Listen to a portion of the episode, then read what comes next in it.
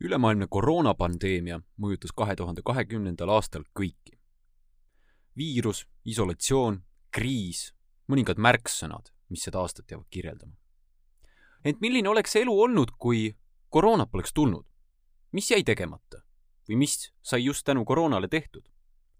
kahe tuhande kahekümnendale aastale vaatavad tagasi Tallinki juht Paavo Nõgene, välisminister Urmas Reinsalu ja majandusminister Taavi Aas, rallimees Urmo Aava professor Irja Lutsar, doktor Edward Laane ja endine Terviseameti juht Merike Jürilo. Te kuulate kahe tuhande kahekümnenda aasta mõjukate erisaadet.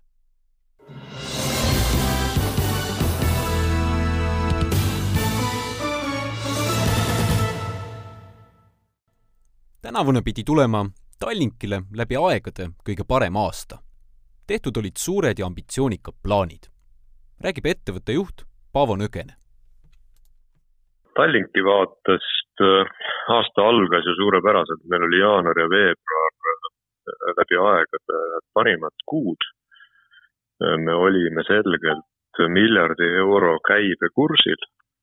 ehk siis meil oli eesmärk, et me selle aasta lõpuks oleks pidanud ületama siis selle maagilise miljardi euro käibe. me olime kursil, et meiega reisib esimest korda üle kümne miljoni reisija aastas meil oli tavaliselt sellest puudu selline paarsada tuhat. sellel aastal oli siis lootus, et selleni me jõuame. me oleksime suure tõenäosusega saanud avada oma tax-free poed äh, nii Singapuris kui Lõuna-Koreas. me olime plaaninud selgelt siseneda uutele meredele, et Tallinki laevu näeks ka kuskil mujal. ja loomulikult jah, linnahall ka, et linnahall ja, ja oma sadam, et äh, kaks tuhat kakskümmend oleks olnud äh, rohkem võimalik selle projektiga edasi liikuda, aga nüüd tuli see panna mõneks ajaks pausile. kõik need plaanid kukkusid kokku, lükkusid edasi teadmata tulevikku. viimased üheksa kuud on Tallinkis olnud ellujäämiskursused, just nii, nagu ütleb Paavo Nõgene. ja ellu on jäädud. Tallinki kurss on kindlasti antud hetkel muutunud äh, ja põhineb sellele, et peamiselt sellele, et taastada oma, oma põhiäri, et pääseda sellest kriisist, millest me kindlasti ka pääseme, selles me oleme tänaseks veendunud. ja et tulla siis sellest kriisist välja tugevamana kui, kui kriisi sisenedes ja loodetavasti tugevamana kui kõik meie konkurendid. me arvame, et me suudame kasumit teenida ka järgmisel aastal, aga aga kahe tuhande üheksateistkümnenda aasta kasumi tasemele jõudmine võtab aega vähemalt kahe tuhande kahekümne teise aastani. nii et eks need on vaja kõigepealt ära saavutada ja siis vaatame edasi.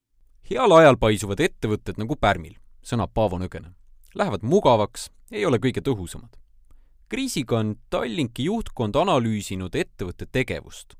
kuidas olla efektiivsem, kuidas võimalikult palju tegevust automatiseerida õppetund on, et valmis tuleb olla ka tulevasteks kriisideks. aga loomulikult annab ka sellisteks kriisideks äh, paremini valmistuda ja tulevikku vaadates kindlasti noh, otsuseid tehes arvestada, et mingi selline jama võib veel tulla, et tegelikult ju kauem ettevõttes olnud inimesed ju mäletavad väga hästi, mäletavad üheksakümne kaheksanda aasta finantskriisi, mäletavad kahe tuhande kaheksanda aasta finantskriisi nüüd me hakkame mäletama kaks tuhat kakskümmend aasta meditsiinikriisi, et kriis võib tulla väga erinevatest suundadest, et väga paljud kindlasti olid valmistunud selleks, et kui tuleb taaskord finantskriis, kuidas siis käituda. no nüüd tegelikult kõik on omandanud oskuse, et tuleb, tuleb karta ka teistsuguseid kriise, et mis võib kaasa tuua finantskriisi, aga mille, mille tuum on kuskil mujal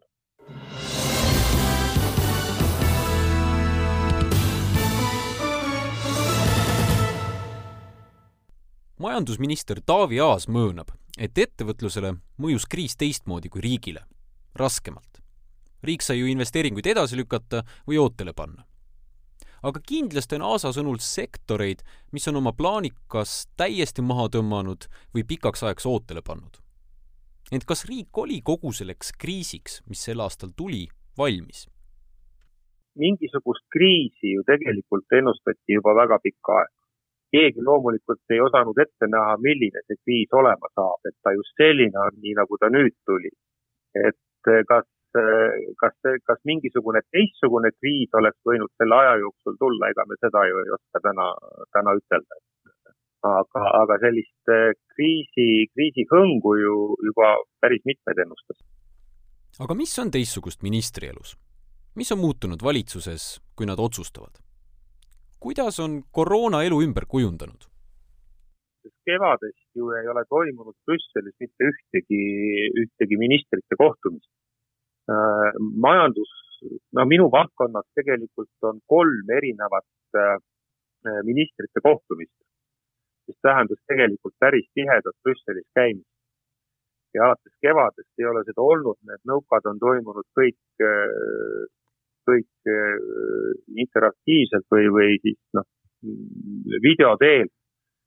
Äh, selles mõttes muidugi saab öelda, et mõnevõrra on ka aega juurde tulnud, sellepärast et äh, kolm nõukat, iga nõuka võtab Brüsselis käimist on vähemalt poolteist päeva ja, ja nüüd on see poolteist, sellest pooleteist päevast on saanud mõni tund, nii et, et selles mõttes on, on väga suur muutus olnud. aga mis on valitsuses teisiti?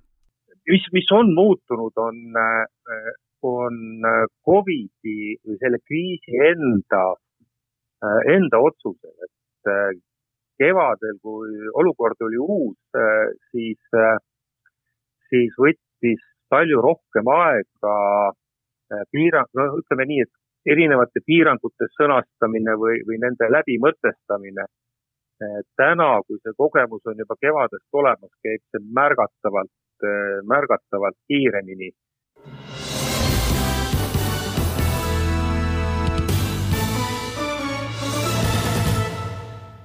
mis oleks olnud, kui koroonat poleks tulnud? mis oleks teisiti välisminister Urmas Reinsalu töös?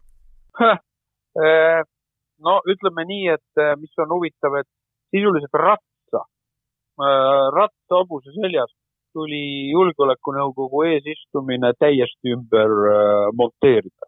ütleme siis, võtta üks konstruktsioon lahti ja teistmoodi kokku panna. et äh, tegelikkuses see, et äh, sisuliselt meie eesistum-, maikuise eesistumise eelõhtul, noh, piltlikult julgeolekunõukogu istungid peatusid, noh, sisuline liikumine peatus, tähendab reaalajas toimimine, et see eeldas vägagi nuputamist ja mis see meie alternatiiv on. ja üllatus-üllatus, ÜRO ajaloos me tegime ajalugu, et äh, sellised julgeolekunõukogu koosolekud, kus osuneb, osaleb äh, kümneid ja kümneid riiki, hakkab siis piltlikult öeldes äh, noh, meie järgi õhtul peale ja kestab poole ööni. et see lõi jälle uusi võimalusi ja ma arvan, et, et need mingid uued võimalused, et distantsilt inimesi on võimalik kokku koondada, riikide esindajaid kokku koondada eks globaalseteks foorumiteks, see on, on ka rahvusvahelises diplomaatias, ma arvan liialduseta, et siin on Eesti olnud, olnud, olnud pioneer. et samamoodi ÜRO koosolek Valgevene valdkonnas, et kindlasti ma eeldasin, et mul suur hulk selle aasta ajast kulub New Yorgis Julgeolekunõukogu istungite laua taga, aga see, see eeldus, nagu ma ütlesin, osutus täiesti ebakompetentseks prognoosiks.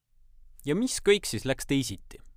Reinsalu ütleb, et Euroopa liidrid said suvel kokku ja istusid viis ööd ja päeva, et kokku leppida järgmine Euroopa Liidu pikaajaline eelarve. asi, mis muidu nii kergesti ei oleks tulnud. triljon eurot jaotati majanduse taaskäivitamiseks, paika saadi rohepööre. kõik sellised vaidlused, mis muidu oleks nii pikaks läinud, sai järsku lühidalt peetud normaalsuses sellist asja kindlasti ei oleks olnud. ei oleks olnud kaugel Euroopas, ei oleks olnud väikses Eestis. Poleks olnud nii kiireid otsuseid ja Reinsalu ütleb, et ka teistsugust diplomaatiat ei oleks olnud. ja ka ajalugu oleks teistsugune. noh, ma arvan, et, et see instinkt, et võimalusel tuleb natist kinni krabada ka segastel aegadel ja segased ajad, olgu ta turgude ümberkorraldamine majanduses või, või riikidevahelistes suhetes, mingisugused dünaamikad, et need loovad ka uusi võimalusi. seda ei ole mõtet äh, eitada ja ma arvan, et me mm, noh, nii suures äh, kohanemisvõimes, nagu me oleme olnud viimase, eriti viimase inimpõlve jooksul, ma arvan, et see loodetavasti annab meile kõigis valdkondades, eriti rahvusvahelises keskkonnas teatud konkurentsieelised, et nagu pool juhuslikult vestlesin suvel Araabia Ühendemiraatide printsiga, kes on ka nende välisminister koorus välja idee, EXPO lükatakse edasi aasta otsa, aga miks ei võiks me teha kahekesi Araabia Ühendemiraatidega summiti, et, et tegelikult teha ülemaailmse majandusmessi virtuaalse, kus arutada ka digitaalvõimalusi, kuidas selles koroonakriisis olla.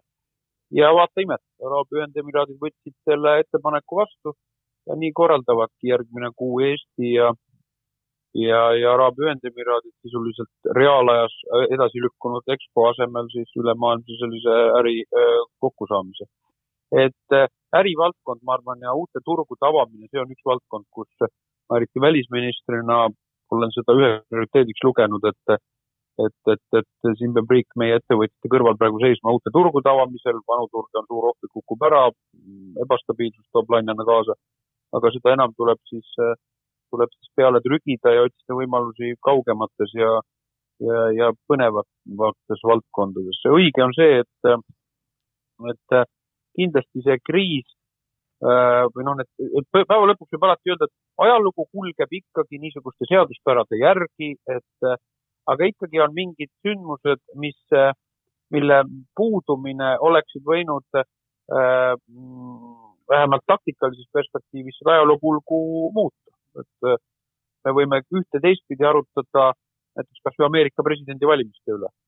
et äh, majanduslik ebastabiilsus, mis viirusega seoses on tekkinud, ühiskondlik stress, rahutused, mis on äh, aset leidnud, kas sellel oli ka mõju valimistulemusele, küllap, küllap kindlasti seda keegi ei eita. ja noh, neid, sellist tüüpi näiteid on vägagi palju. samamoodi küsimus, kui on ka sõjalised konfliktid, äh, rahutused, äh, poliitilise pinge kasv riikides. Äh, ma usun, et selle koroona mõjud, noh, lisaks inimese enda elule ja maailma elu, elutajule ja mis on minu mõte siin maailmas ja, ja mis must saab, on tegelikult ka, ma arvan, väga laiu niisuguseid sotsiaalseid mm, hoiakuid ümber, ümber ehitanud. mida selles kriisis siis lõppkokkuvõttes õppida? välisminister Urmas Reinsalu ütleb, et ise tuleb hakkama saada. eeldus on alati olnud meil, aga siis tulevad kohe liitlased kribina-krabina lappi, et me ei ole üksi. aga noh, me näeme, see aasta kuidagi rullub silmade ees nagu reaalajas kõiki eluvaldkondi haarav õppus, et esiteks kaks järeldust, mis ma olen teinud, et äh, me, me peame tegelikus reaalajas toimivas suures kriisis arvestama sellega, et kriis ei puuduta kunagi ühte eluvaldkonda et ei saa nii isoleerida, et sul on sõjaline kriis ja siis hakkab seal mingi muu.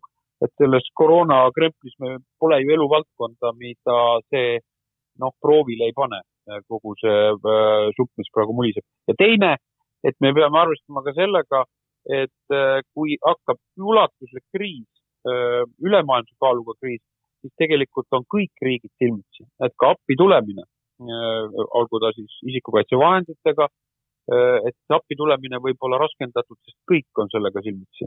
et ma loodan, et me omandame väärtuslikku salvestame väärtuslikku kogemust sellest õppetunnist.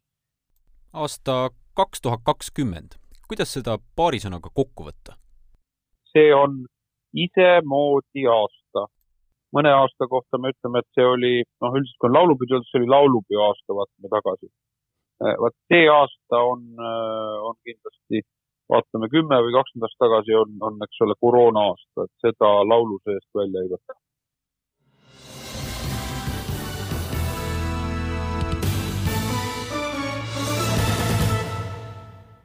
kui Eesti ärid ja riik pidid oma asjad edasi lükkama, siis kahe tuhande kahekümnenda aasta WRC ralli etapp jõudis Eestisse kaks aastat oodatust varem.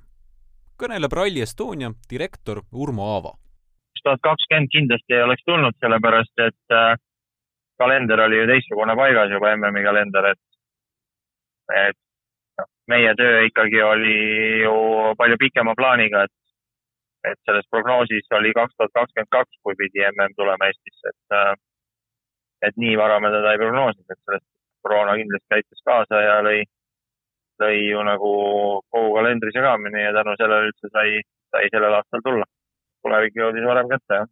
aga noh, see tulevikuks tuleb alati või noh, ei tule, midagi, midagi ei pea ega ei tule, onju. aga kui tahad midagi saavutada, siis sa pead olema, olema niisugusteks asjadeks valmis ja me olime selleks valmis, seda, seda võimalust kohe kasutada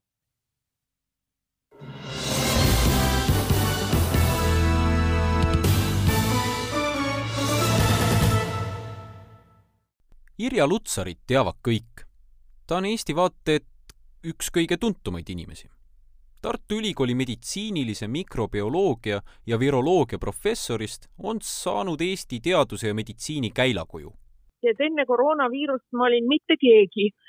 Äh, kuigi ma olen ühte ja teist ja kolmandat teinud, aga, aga, aga jah, sel, selles mõttes, et, et noh, minule andis see elu võimaluse et, et seda ma ei saa ka eitada, et, et, et noh, teha, teha, mis mulle meeldib, oma, oma mõtet püüda arendada, leida inimesi, kes tahavad minuga koos teha, usaldavad mind, et, et noh, see, see kahtlemata ja, ja ma olen teiega nõus, et ma arvan, et ma olen Eesti teaduse jaoks teinud äh, nii mõndagi.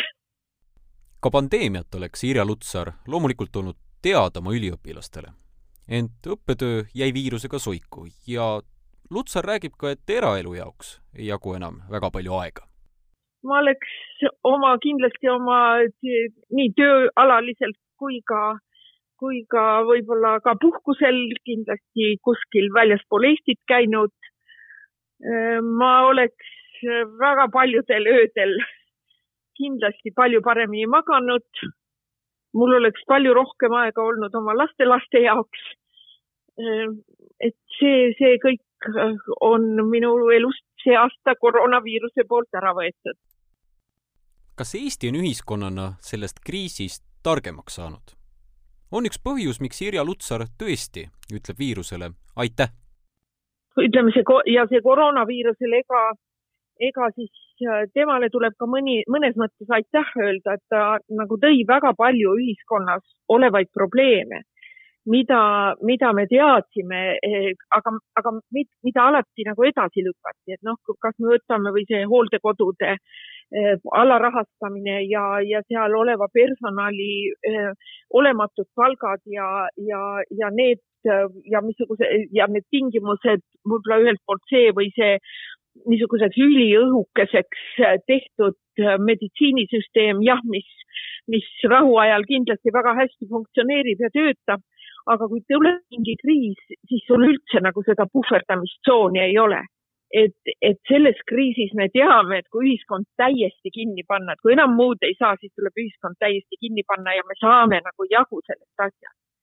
aga, aga meil võib olla kriise, ja ega siis sõjad, sõjad ja sõda tahtvad inimesed maailmast ära kadunud ei ole. et, et meil võib olla kriise, kus me ei saa ühiskonda kinni panna ja seal on meil ka palju meditsiini vaja ja seal on meil ka vaja inimesi, kes kakskümmend neli seitse töötaks, et, et, et noh, ja, ja võib-olla seda, seda näitas ka, et, et asju me osta saame, ütleme algul oli maske puudus, aga praegu maske on kõik kohad täis. maskid oleme väga kiiresti siia saanud aga, aga inimesi, kes oleks spetsialistid, eksperdid, oma, oma ala tõesti tipptegijad, neid me ühe-kahe-kolme ega poole aastaga ka ei saa. et ma tahtsingi öelda, et, et noh, et see, see nagu hea haridus, inimeste ettevalmistamine, sinna investeerimine et ega mina, minu, minu haridusse on ka ju väga palju investeeritud, eks ole, mitte noh, nii Eesti riik, minu, minu vanemad ennekõike, ma ise, aga ma olen ka välismaalt stipendiumi saanud, et see lõpuks tasub ära ja seda, kui seda läheb vaja, siis, siis ei saa seda enam hakata tegema, et see peab kõik valmis olema. selle oskumise või teadmise, ma usun, et me võtame ikkagi kaasa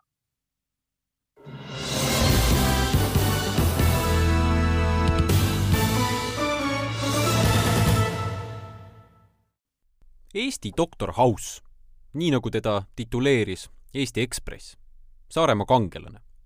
Kuressaare haigla ravijuht Edward Laane tegi üliinimlikku tööd ja teeb seda praegugi, et kevadel raskest koroonast räsitud Saaremaa saaks kriisist välja. kas Laanest oleks saanud niivõrd kultuslik kuju, kui aeg ei oleks olnud selline, nagu see on?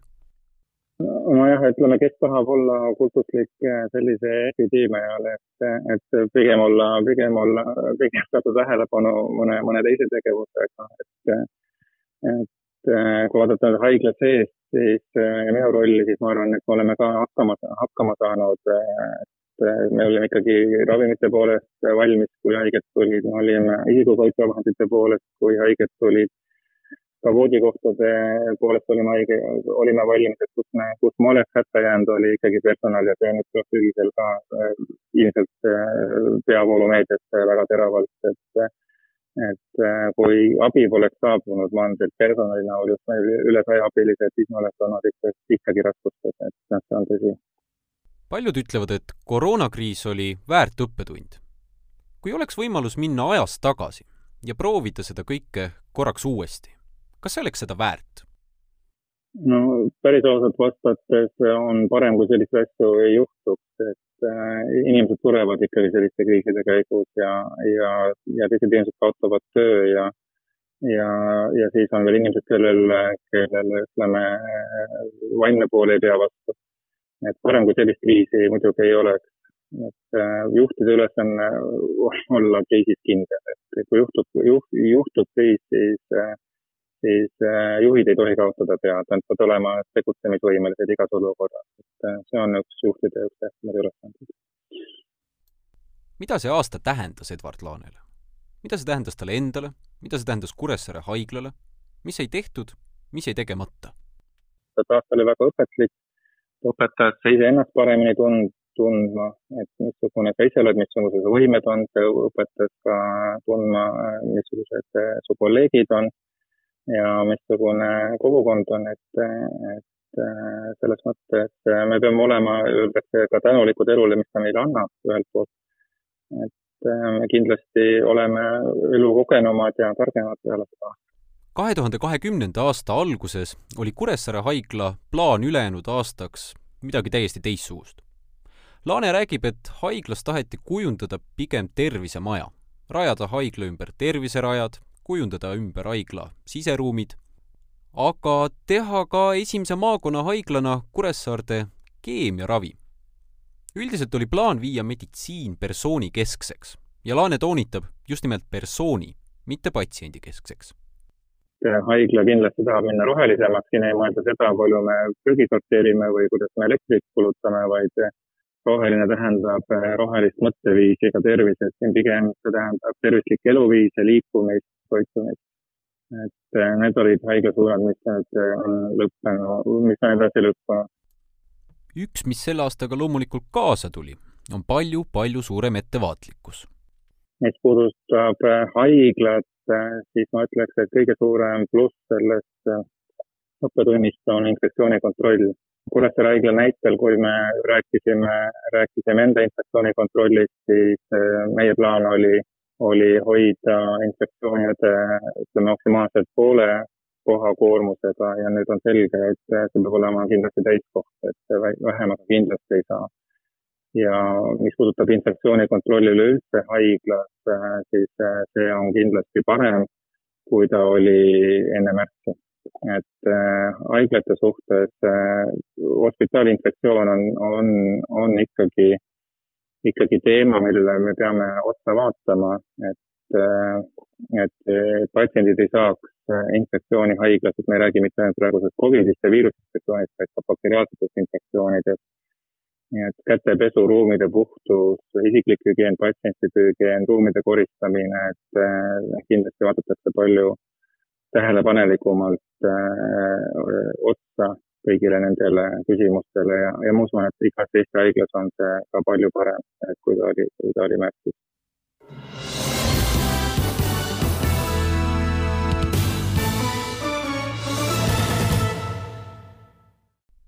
kui Terviseamet ei tegeleks päevast päeva koroonaviirusega, siis millega see kahe tuhande kahekümnendal aastal üldse oleks tegelenud? kuidas me teaksime Terviseametit? ameti endine juht Merike Jürilo räägib, et plaanid olid suured. ja loomulikult see kriis on toonud need, need noh, täies ilus nagu Terviseameti püünele. Ja, ja läbi selle täie ilu toonud ka püünele need valud. Tegelikult noh, mida mina juhina, aga, aga ka minu meeskond kogesime ju, ju, ju ka eelneval aastal juba kaks tuhat üheksateist, kui me seadsime kakskümmend kakskümmend ka eesmärke, siis üks väga oluline kokkulepe oli, et kakskümmend kakskümmend peab oluliselt muutuma nakkusseire osakonna nii-öelda tööviis peab, peab olema rohkem võimekust keskenduda ennetusele, tuleb kompetentsi tõsta, tuleb äh, nii-öelda valdkonda kaasajastada. see oli ka tegelikult põhjus, miks esimesest jaanuarist äh, sai välja vahetatud ka osakonna juhataja ja, ja, ja nii edasi, nii et, et selles mõttes neid, neid valukohti, kust, kust king pigistas seesama andmete kättesaadavus, analüütiline võimekus, mis on noh, seire, seire puhul üliolulised. Need olid meil ka kakskümmend kakskümmend eesmärkides ja noh, kriis nii-öelda tuli samal ajal. mõnes mõttes oli see kasuks sest äh, mõned äh, IT-arendused said tehtud väga kiiresti, äh, mida, mida muidu, muidu oli oodatud juba pikka aega või, või, või nii-öelda planeeritud pikka aega. nii et, et, et ühtpidi sellest kriisist on ka, on ka kasu olnud, noh, ideaalne ongi ju see, et, et, et kui kriis meid tabab, siis sellest kriisist väga kiirelt õpitakse ja tehakse ära vähemalt needki sammud, mida siis sellel hetkel on võimalik väga kiiresti teha. kui ei oleks pandeemiat tulnud, kas avalikkus oleks üldse teadnud, mis asi on Terviseamet? ma arvan, et oleks, ma arvan, et oleks, sellepärast et äh, immuniseerimisega hõlmatus hästi tugevalt pildil teemana samamoodi perearstide kättesaadavus ja kvaliteet väga tugevalt teema pildil ja oli ka meie selle aasta eesmärkides. tervishoiuteenuste kvaliteet, inimeste mured sellega seoses. Need on teemad, millega Terviseamet oli läbi kaks tuhat üheksateist, kaheksateist avalikkuse tähelepanu all, oleks olnud ka kakskümmend kakskümmend. pigem, kuhu ju kakskümmend kakskümmend oleks tahtnud liikuda või, või kus kuhu juba oleksime pidanud organisatsioonina jõudma, on see, et teatud, tekib selline muutuse jaoks on vajalik teatud destabiliseerimine, et sellest destabiliseerimise faasist jõuda nüüd ikkagi sellise lisandväärtuse andmise faasi. mis tähendab seda, et, et, et ma usun, et Terviseamet ka kakskümmend kakskümmend oleks tugevalt pildil olnud erinevate teemadega, ka siis, kui, kui, kui kriis ei oleks ei oleks tulnud. nii et siin ma olen noh, täiesti, täiesti kindel. nii oligi kahe tuhande kahekümnenda aasta plaan Terviseametil ehitada organisatsiooni, rääkida iluteenuste reguleerimisest, rääkida ühiskonnale immuniseerimisest, mis on viisakam sõna vaktsiinile, perearstidega koos teha vaktsineerimise IT-arendusi ja nii edasi. Jürilo räägib, et paradoksaalselt töötas koroona kõikide nende Terviseameti eesmärkide kasuks? no vaatame kahest aspektist vaadata nüüd, ühelt poolt organisatsiooni areng, siis juhina nii-öelda organisatsiooni arengu vaates oli eesmärk kakskümmend kakskümmend sellise eelneva kahe aasta jooksul algatatud muutuste ja põhimõtete reformi tulemusel sellise organisatsiooni kultuuri muutuse kinnistamine, süvendamine. Organisatsiooni arengu vaates, et see nii-öelda ootaja reageerija kultuur, kuhu, kuhu äh, ma juhina tulin kaks tuhat seitseteist, et sealt me sammhaaval astusime edasi sellise kujundaja, eestvedaja kultuuri poole aga kultuurimuutus võtab aega, seega kakskümmend kakskümmend oli igal juhul veel see aasta, kus meil äh, oli vaja tegeleda nii väärtuspõhisusega, nii analüütilise võimekuse loomisega, väärika palga küsimusega, teenuse jätkusuutlikkusega, tarkuse, kommunikatsiooniga, nii et selline organisatsiooni kultuuriline areng oli kindlasti kakskümmend kakskümmend plaanis. kui mina juhina sinna läksin, siis jah, minu jaoks selline esimene sissevaade organisatsiooni näitas, et tegemist on organisatsiooniga, mis on sellises noh, natuke nagu ootaja-reageerija rollis. teeme seda, mis lauale tuleb, teeme ära kõik kohustusliku selline teatud turvalises orus olek, kust väga kaugele ei näe, väga palju segajaid ei ole, aga ja, ja selle, selle vastutasuks siis võib-olla ka noh, tööpinge ei ole nii suur. Et, et nagu ma ka alguses ütlesin, siis minu eesmärk oli organisatsiooni viia kindlasti sellest ootaja-reageerija faasist äh, ikkagi nii-öelda olekust kujundaja eestvedaja olekusse. Ja, ja neid esimesi samme me tegime juba kaks tuhat seitseteist lõpus, kaheksateist, üheksateist. Ja, ja mõnes mõttes need selliste väiksemate kriisikestena avaldusid ka avalikkuses, et oli näha, et mingid teemad tõusid üles, mis noh, muidu olid kuskil tagatubades ära lahendatud. ja äralahendamine tähendas seda, et nad lihtsalt pandi jälle kuidagi sõbralikult kalevi alla. et, et et ma usun, et meid Terviseameti rolli ja tähendust teadvustati juba kaks tuhat kaheksateist suvel, kui oli tervishoiuteenuste kvaliteedi küsimus hästi tugevalt üleval. Kaks tuhat üheksateist, kui tuli perearstide teema hästi tugevalt ülesse. Nende mõlema teema taga on noh, Terviseamet ise olnud neid teemasid tõstatades ja kui sa mingid teemad üles lükkad, siis loomulikult võivad nad kaasa tuua ka sellist nii-öelda poolt ja vastu diskussiooni, kellelegi midagi meeldib, kellelegi ei meeldi. Ja noh, muidugi nüüd see kriis kakskümmend kakskümmend tõi siis hästi jõudsalt esile, esile selle nakkushaiguste ennetuse ja, ja seire teema. küll koroona vaktsineerimine, noh, on, on iseenesest vaktsiini, vaktsiini teemat hoidnud pildil nii et noh, selles mõttes selle, selle kriisi valguses võib-olla sellise nakkushaiguste ennetuse, immuniseerimisega hõlmatuse vaates teatud selline ärksus nii poliitika tasandil kui ühiskonna tasandil on oluliselt suurem, mis iseenesest äh, töötab Terviseameti eesmärkide kasuks kuigi mõned projektid jäid, jäid seisma, siis, siis suures pildis ta siiski, ma usun, et selline ühiskonna teadlikkus nagu siiski kasvab ka nüüd selles kriisis oluliselt. sellised olid meie seitse saatekülalist. selline oli aasta kaks tuhat kakskümmend ja selline oli mõjukate erisaade. aitäh teile!